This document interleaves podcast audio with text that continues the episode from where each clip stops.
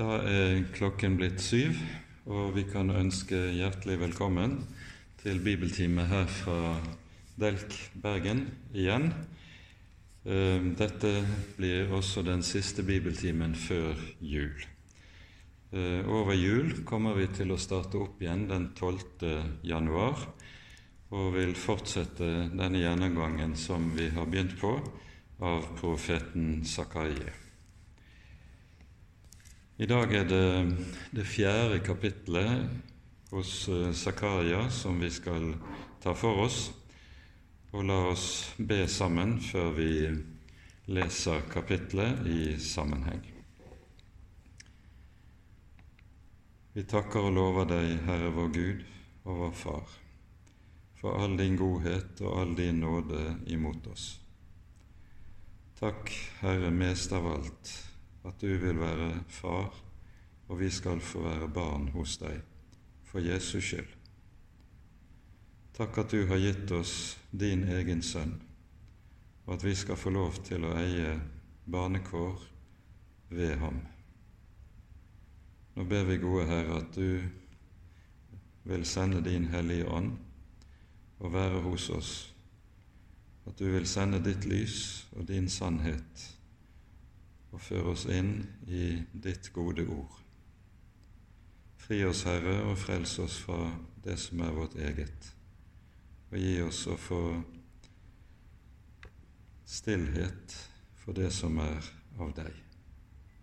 Vi ber, Herre, i Jesu navn. Amen.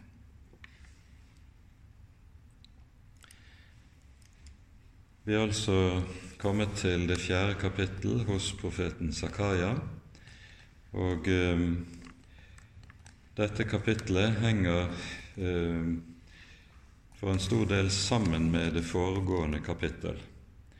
Det er jo slik at de to ledere for Israels folk som eh, var reist opp av Herren når folket skulle vende tilbake fra fangenskapet i Babylon, det var på den ene siden Serubabel, som var innsatt som stattholder for folket, og så var det Josva, som var ypperste prest. Serubabel var en av etterkommerne etter kong David, og eh, det er slik at dette tredje og fjerde kapittelet her hos Zakaria dreier seg om disse to.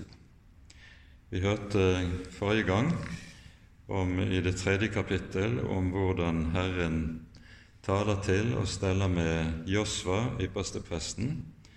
Og nå i det fjerde kapittel så hører vi om hvorledes det er Serubabel som står i fokus for oppmerksomheten. Vi leser nå det fjerde kapittel i sammenheng, i Faderens, Sønnens og Den hellige ånds navn. Engelen som talte med meg, kom så tilbake og vekket meg, som når en mann vekkes av sin søvn. Og han sa til meg, Hva ser du? Jeg svarte, Jeg ser en lysestake som er helt igjennom av gull. På toppen har den et oljekar, og den har sju lamper med sju rør til hver av lampene som er på den og de to oljetrær står ved siden av den, ett på høyre og ett på venstre side av oljekaret. Og jeg tok til orde og sa til engelen som talte med meg, Hva er dette, Herre? Engelen som talte med meg, svarte, Vet du ikke hva dette er? Jeg sa, Nei, Herre. Da tok han til orde og sa til meg, Dette er Herrens ord til Serubabel ikke ved makt og ikke ved kraft, men ved min ånd, sier Herren herskarenes Gud. Hvem er du, du store fjell, som reiser deg foran Serubabel? Bli til en slette. Han skal føre toppsteinen frem under høye rop. Nåde, nåde være med den. Og Herrens ord kom til meg, og det lød så. Serubabels hender har grunnlagt dette huset, og hans hender skal fullføre det. og du skal kjenne at Herren, herskarenes Gud, har sendt meg til dere. For hvem har foraktet den lille begynnelsesdag? Med glede ser de blyloddet i Serubabels hånd, disse sju Herrens øyne, som farer omkring over hele jorden. Da tok jeg til orde og sa til ham, Hva er disse to oljetrærne på høyre og venstre side av lysestaken? Og jeg tok annen gang til orde og sa til ham, Hva er de to oljegrenene tett ved de to gullrørene som gullet strømmer ut av?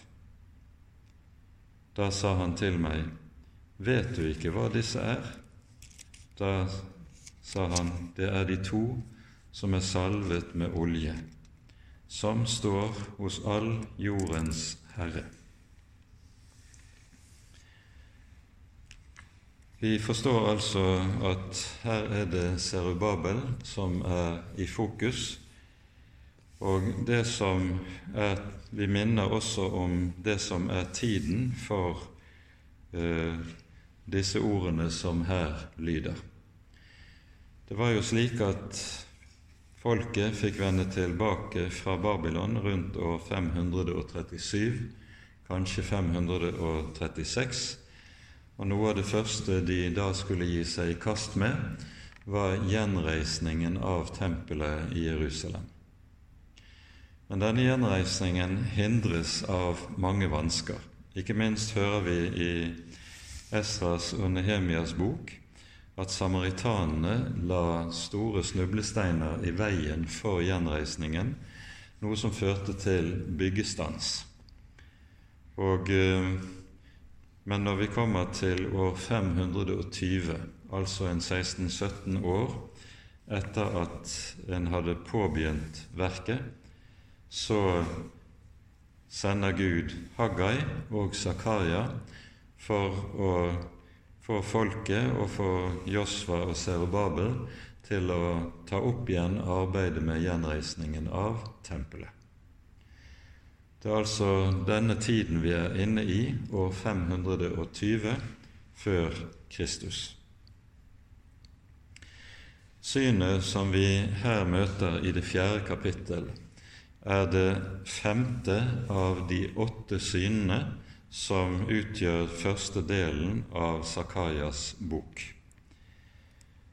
Og hovedinnholdet i synet det er altså en syvarmet lysestake av rent gull.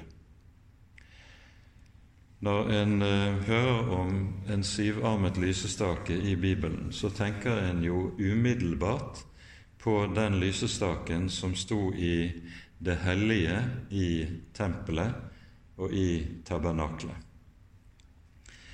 Den syvarmede lysestaken har en helt bestemt symbolikk og henger altså sammen med Guds ånd.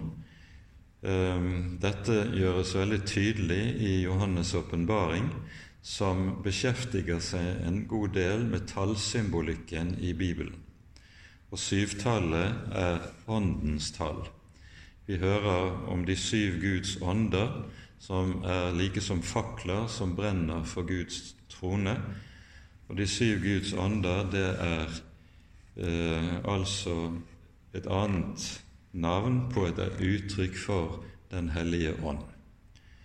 Og disse syv, dette syvtallet som er forbundet med Ånden, det hører vi også i kapittelet her, forbindes med de syv øyne som farer omkring over hele jorden. Og disse syv øyne de sies det også direkte tidligere at det er også Herrens ånd.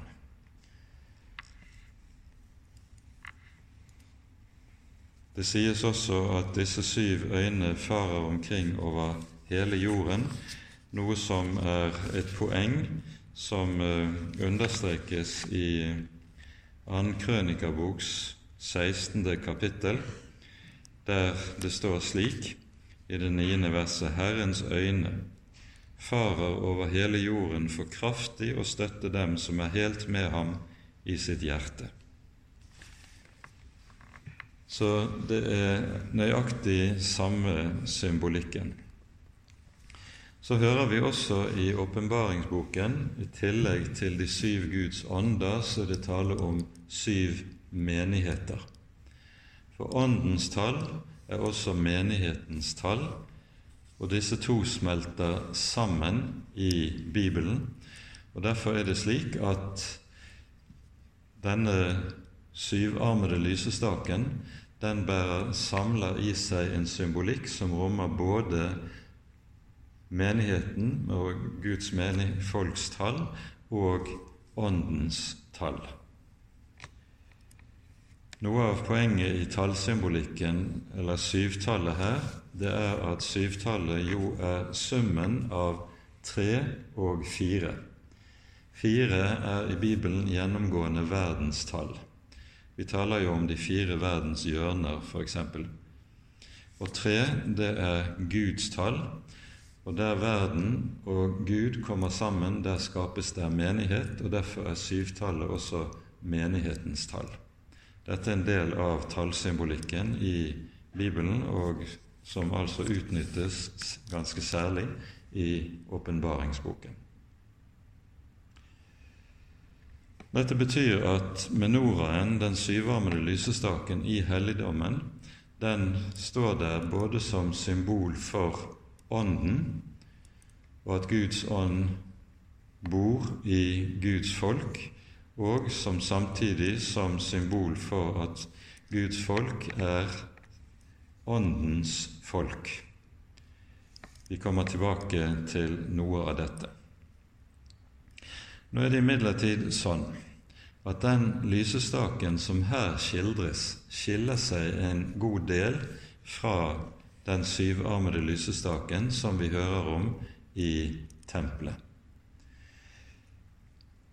Den syvarmede lysestaken i tempelet var slik innrettet at det var syv lamper på de syv armene Ehm, og disse skulle, lampene skulle stelles og fylles med olje hver kveld. Det var en del av prestenes oppgave som skulle utføres i forbindelse med det daglige offer som skjedde hver morgen og hver kveld. Denne lysestaken som vi her hører om hos Sakai, den trenger imidlertid ikke noen prester som skal sørge for at det er olje som gjør at den kan brenne.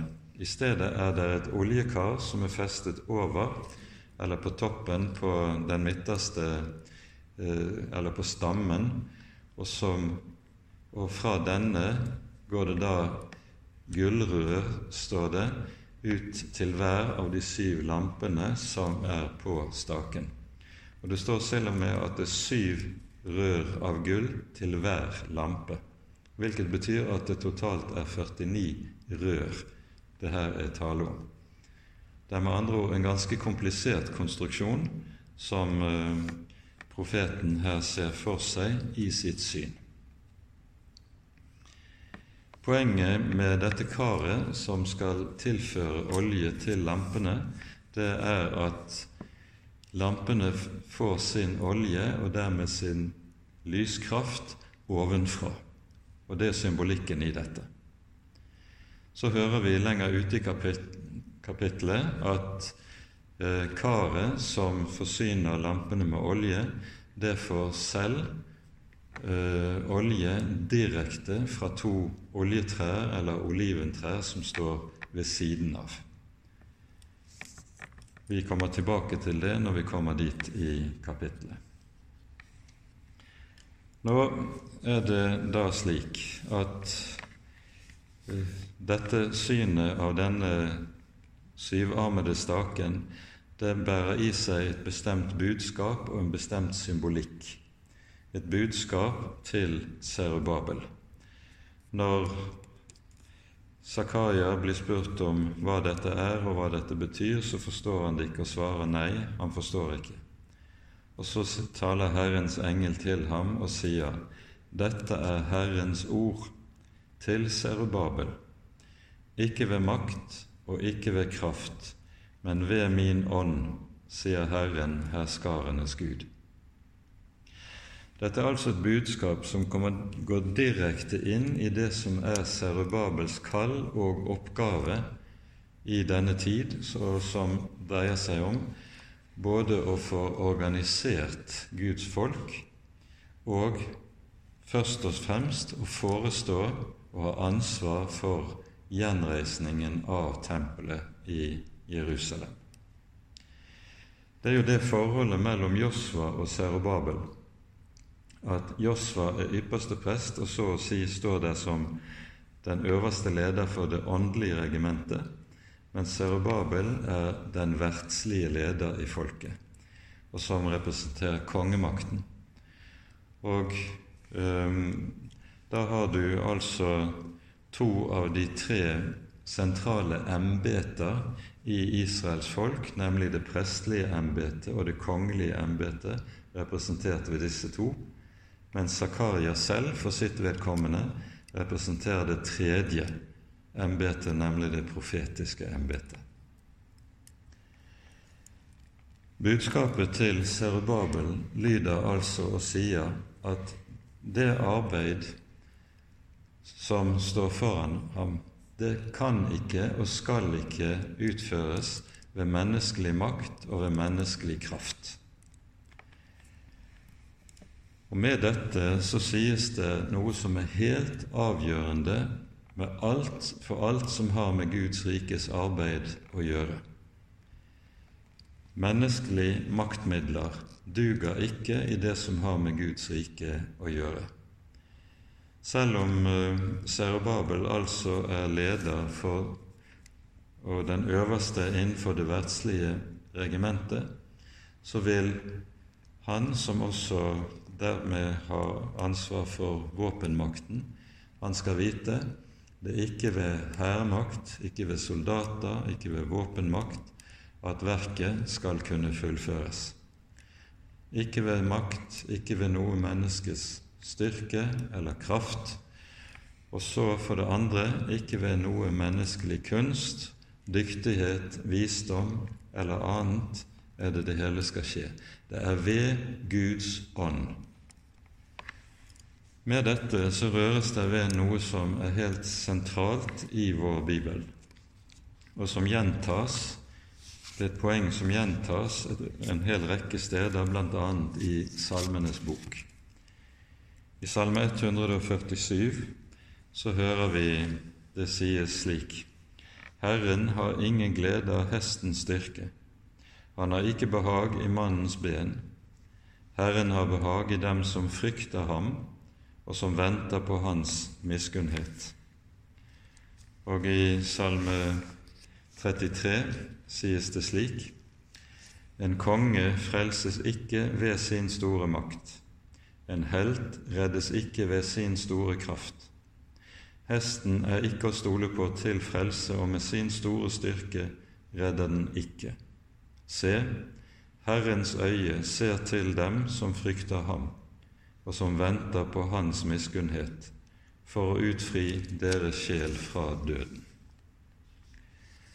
Den sannhet som vi her har for oss, den hadde Israels folk så å si fått malt for sine øyne eh, knappe 200 år tidligere under profeten Jesaja. Jesaja hadde mye av sitt virke under kong Hiskia, og kong Hiskia han hadde den ulykkelige skjebne at han var konge i Jerusalem i den tid det asyriske verdensriket anfalt Israel og også Sydriket. Det er ved asyrerne at Nordriket og Samaria går under i år 722. Og et tiår eller så senere angriper asyrerne også Jerusalem og Sydriket.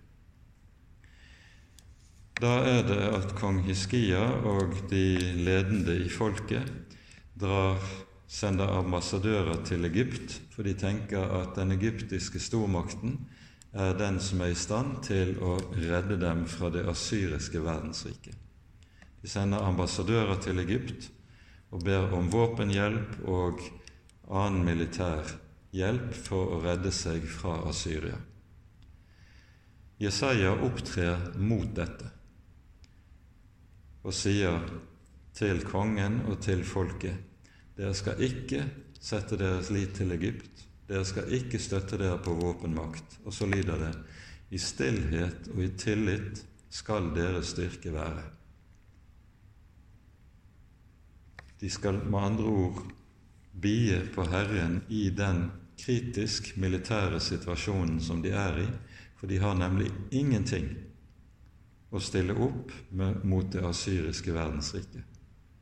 Og så kommer budskapet i stillhet og i tillit skal deres styrke være. For det er Herren som er folkets styrke. I en sånn situasjon er det ikke lett å tro på Guds løfte, fordi en da er nødt til å tro uten å se. Tro, Vår skrøpelighet har jo det med seg at det er meget lettere for oss å tro hvis vi kan se det for våre øyne som vi kan, vil sette vår lit til. Men kan vi ikke se, da er det verre. Da er troen en meget vanskelig sak.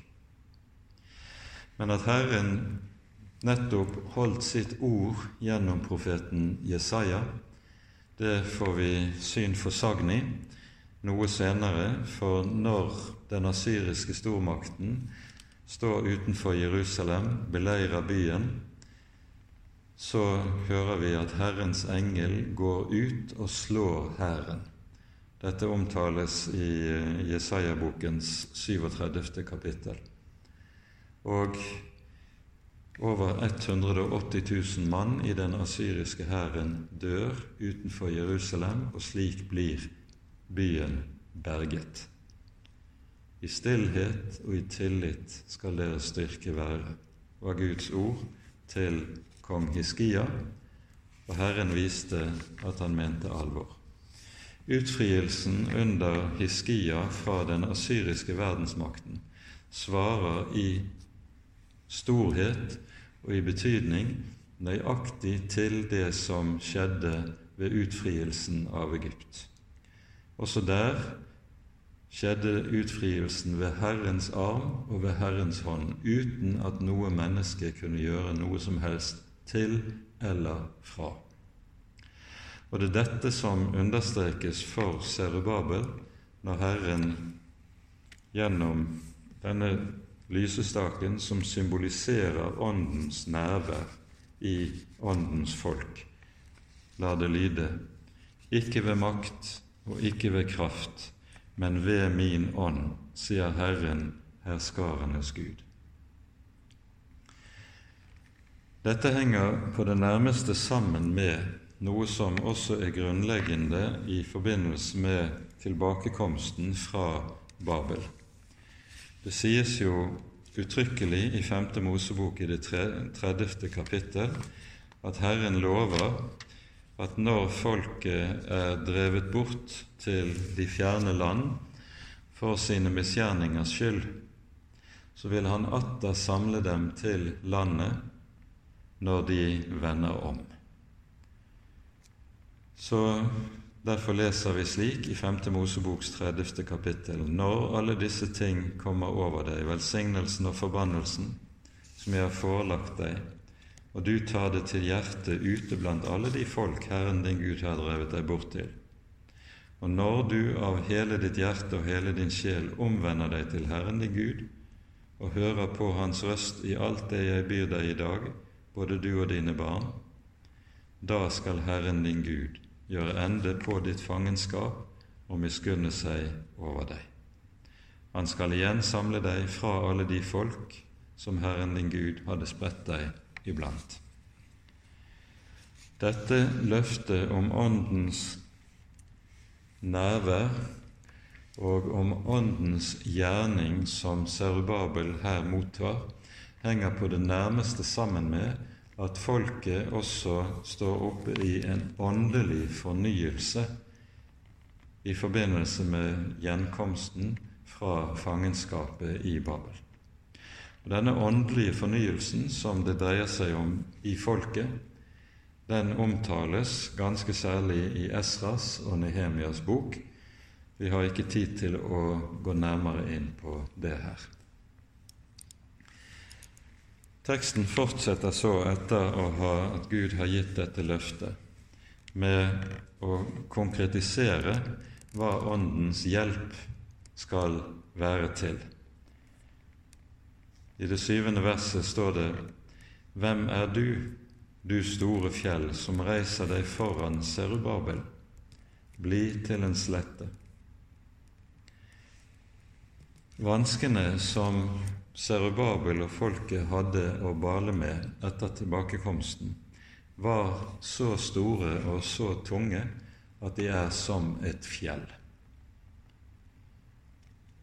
Og så er det at dette kan fortone seg for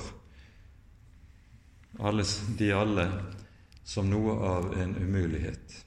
Det er et fjell som er umulig å komme over. Det er for bratt, det er for høyt, vi klarer det ikke.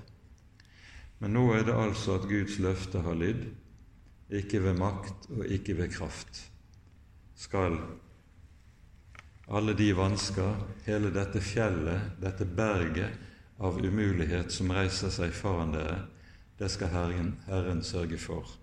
Det blir borte. Det skal bli til en slette. Det er løftet.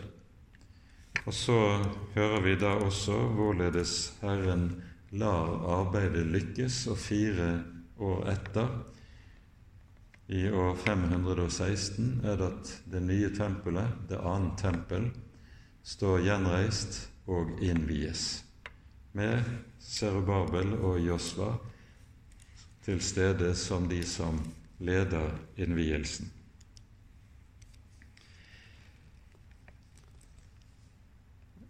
Samme verset som vi hører i vers 7.: Hvem er du, du store fjell, som reiser deg foran Serubabel, bli til en slette? Det fortsetter med løftet. Han, altså Herrens ånd, skal føre toppsteinen frem under høye rop. Nåde, nåde være med den.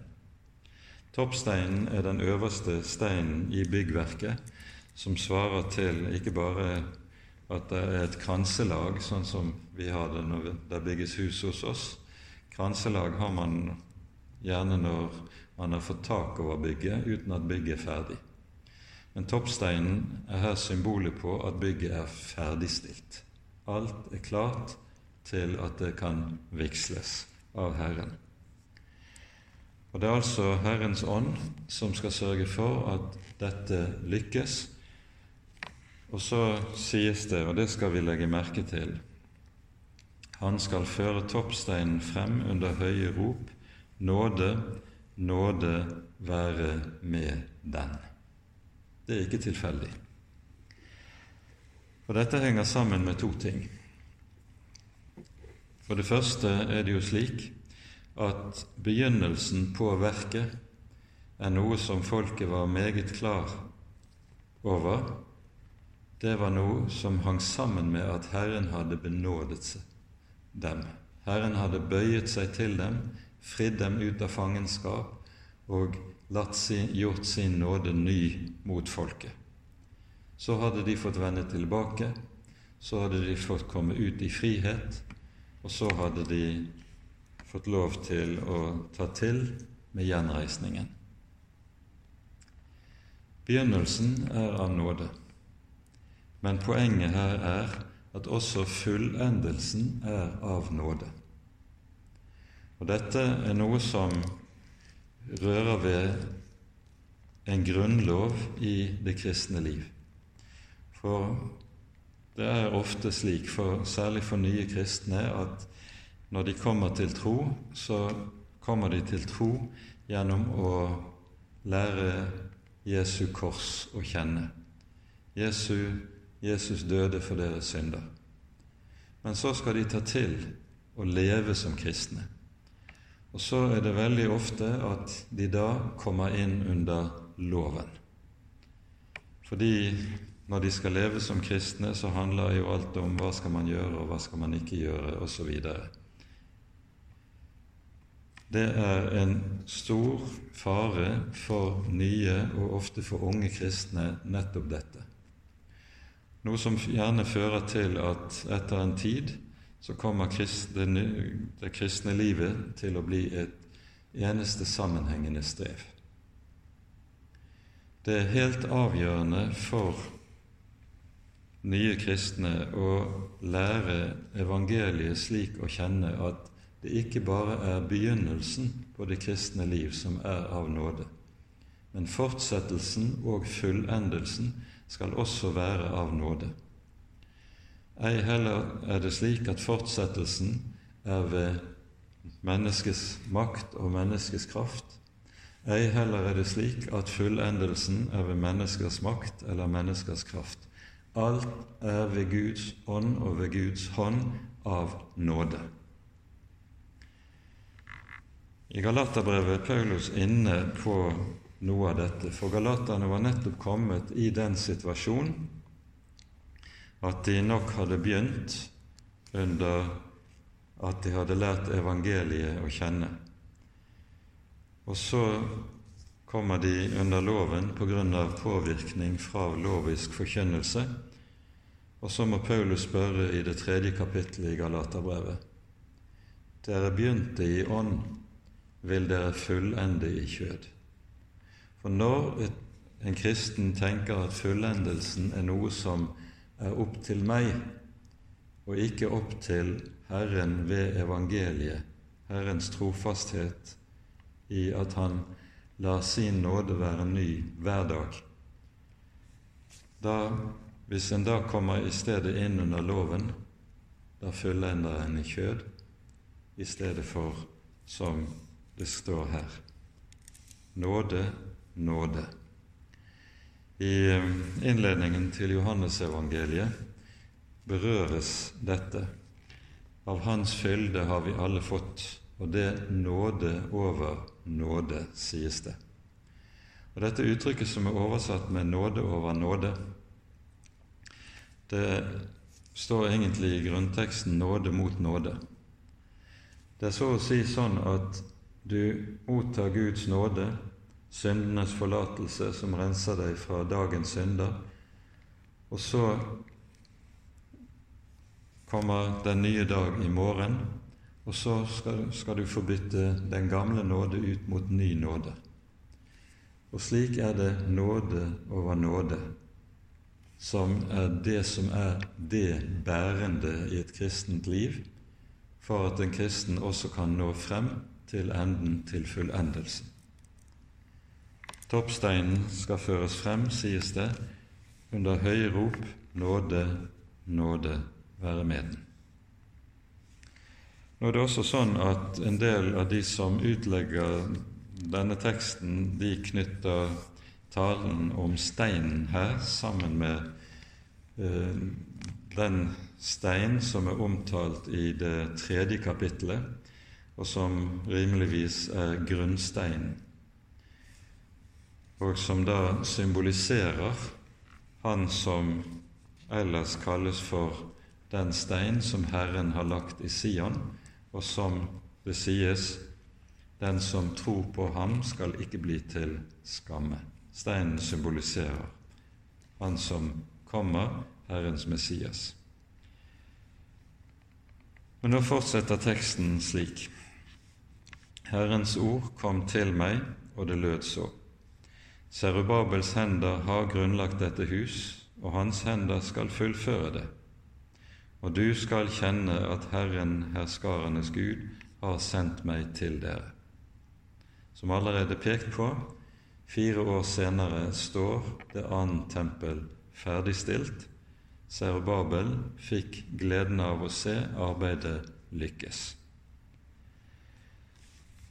Og Da er det avgjørende å være klar over hva som var tempelets betydning i Israels folk. Det var jo slik at da Gud ga lovgivningen om tabernaklet, slik vi hører det i 2. Mosebok fra det 25. kapittel av og utover, så følger dette på den, det at de ti bud er gitt, og deretter diverse tilhørende lover og reguleringer av det israelske samfunnslivet.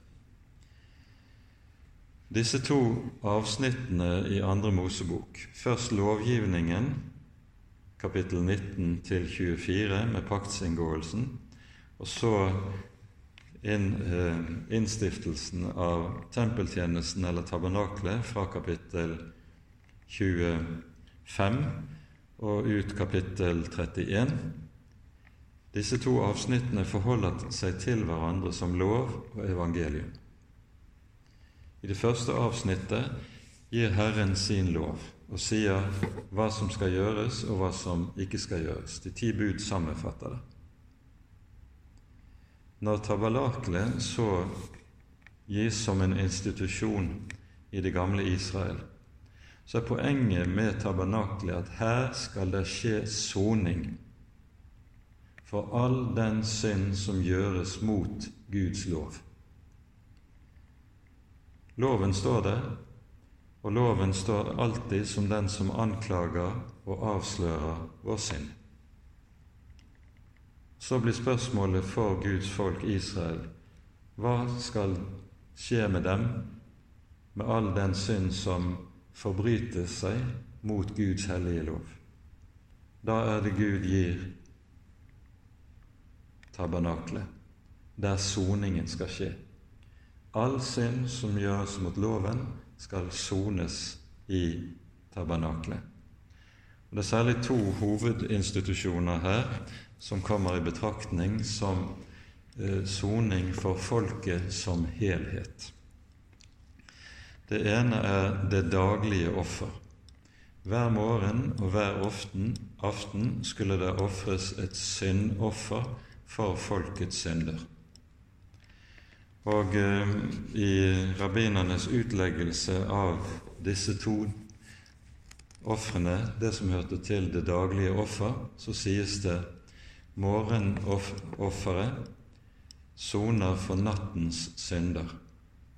Kveldsofferet soner for dagens synder.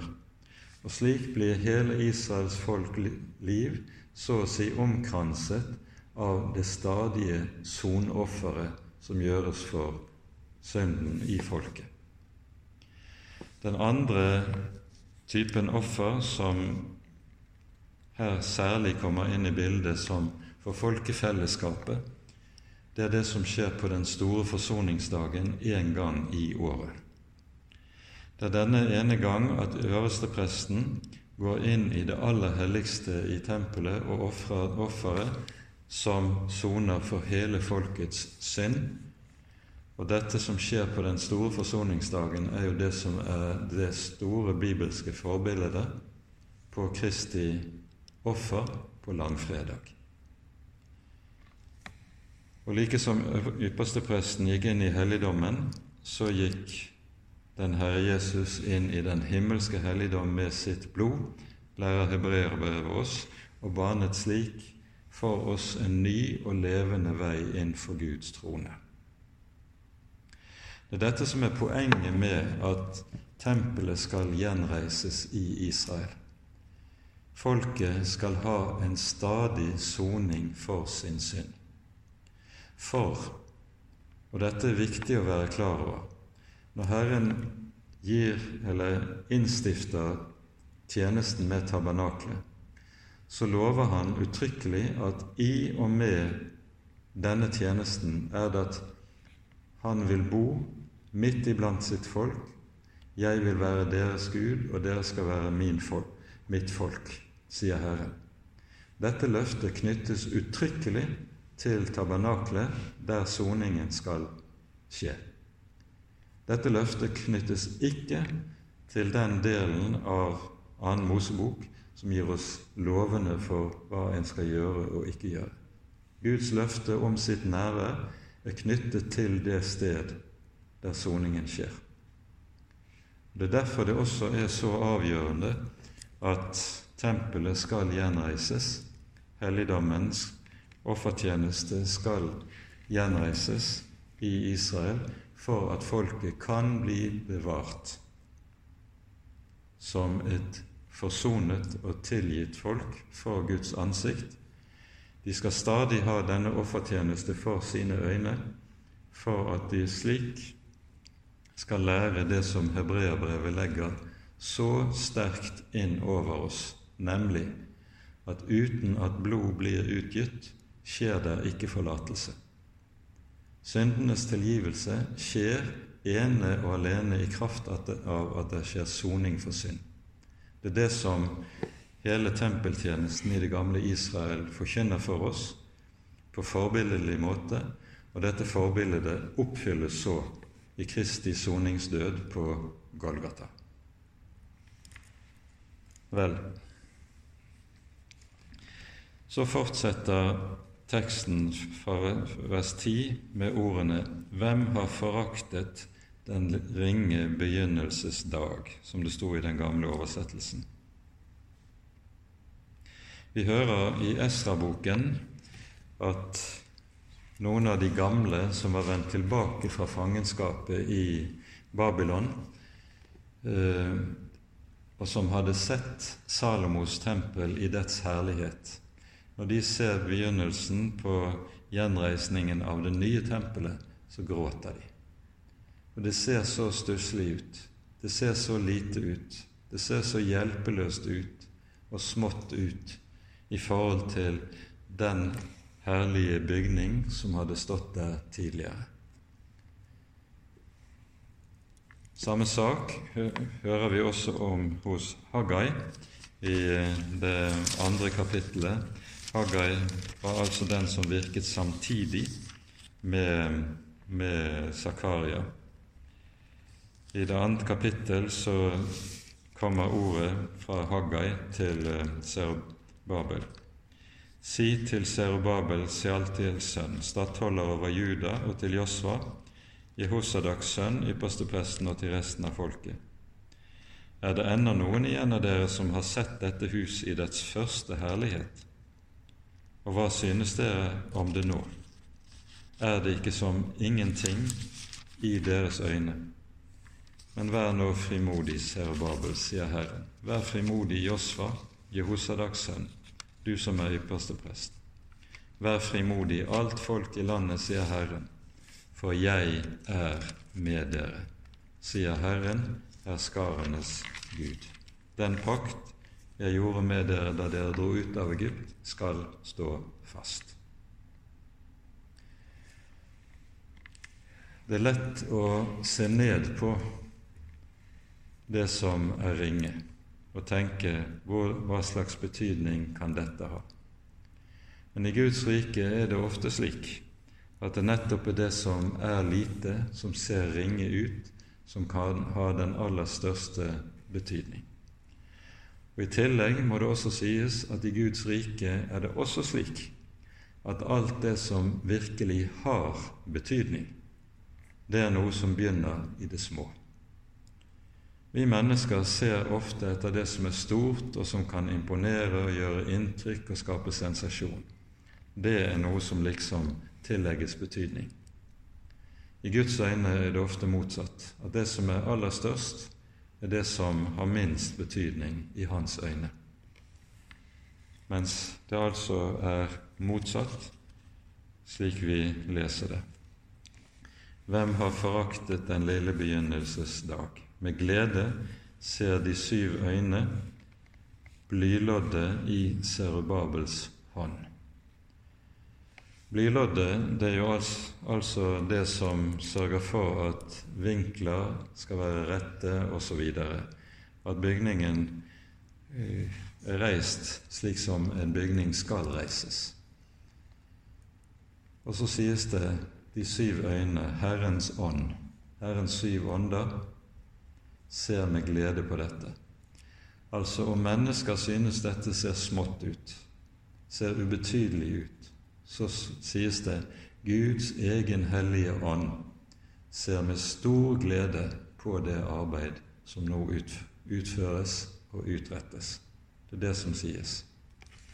Og menneskene gråter når de ser hvor ringe det hele ser ut, så hører vi altså at Herrens ånd fryder seg. Så fortsetter teksten fra vers 11 til vers 14 slik. Da tok jeg til orde og sa til ham, hva er disse to oljetrærne på høyre og venstre side av lysestaken? Og jeg tok annen gang til ordet og sa til ham, Hva er de to oljegrenene tett ved gullrørene som gullet strømmer ut av? Og han sa til meg, Vet du ikke hva disse er? Jeg svarte nei, Herre. Da sa han, Det er de to som er salvet med olje, og som står hos all jordens Herre. Her får vi høre altså at Josva og Serubabel sammenlignes med to oliventrær. Og disse to oliventrærne forsyner altså beholderen på den gullysestaken med olje. Det er altså disse to folkets ledere som er blitt kanaler for Guds ord og for Guds ånd inn i folkets liv. De er blitt kanaler for folkets åndelige fornyelse. Det er det som sies med dette bildet som vi her hører. Det er altså to oljetrær. Det sies at de er salvet med olje. Og det, I det ligger det at når ypperstepresten ble innsatt til sitt embete, så hørte det til innsettelseshandlingen nettopp at han ble salvet til sin gjerning. Og Derfor hører vi f.eks. i Mosebøkene at ypperstepresten kalles rett og slett for 'den salvede prest'. Likeledes hører vi at salvingen inngikk som en grunnleggende del av innsettelsen i det kongelige embetet. Og til den, denne salvingen hører vi, både når det gjelder kong Saul og når det gjelder kong David, at til salvingen hørte utrustning med Den hellige ånd. Det sies i kapittel 16 i 1. Samuels bok, når Davids salves til konge, at Herrens ånd kom over David fra da av og herefter. Sånn at når Josva og Serubabel er salvet og ved det innsatt til sin tjeneste, så har Gud stadfestet dette ved å gi dem og utruste dem med sin egen hellige ånd. Og Det er i kraft av denne ånds utrustning de også kan være kanaler for den åndelige fornyelse som er nødvendig og må skje i folket i forbindelse med tilbakevendingen fra Babylon. Samtidig er det sånn at de to vi hører om her, det er noe som Johannes' åpenbaring griper tilbake til i det ellevte kapittel. Eh, her hører vi om i det ellevte kapittelet i åpenbaringsboken at under den antikristelige periode og den antikristelige trengsel så reiser Gud opp to vitner som skal vitne for menneskene mot deres synder og om omvendelse tilbake til Herren. Og Vi leser i Åpenbaringen 11 slik, der Herren sier:" Jeg vil gi mine to vitner og profetere i 1260 dager kledd i sekk. Dette er de to oljetrær og de to lysestaker som står for jordens Herre. Dersom noen vil skade dem, går det ild ut fra deres munn. De har makt til å lukke himmelen så det ikke kommer regn. Disse to i åpenbaringen tegnes altså under eh, med de samme trekkene som kjennetegnet profeten Elias, slik vi hører om ham i eh, første kongebok.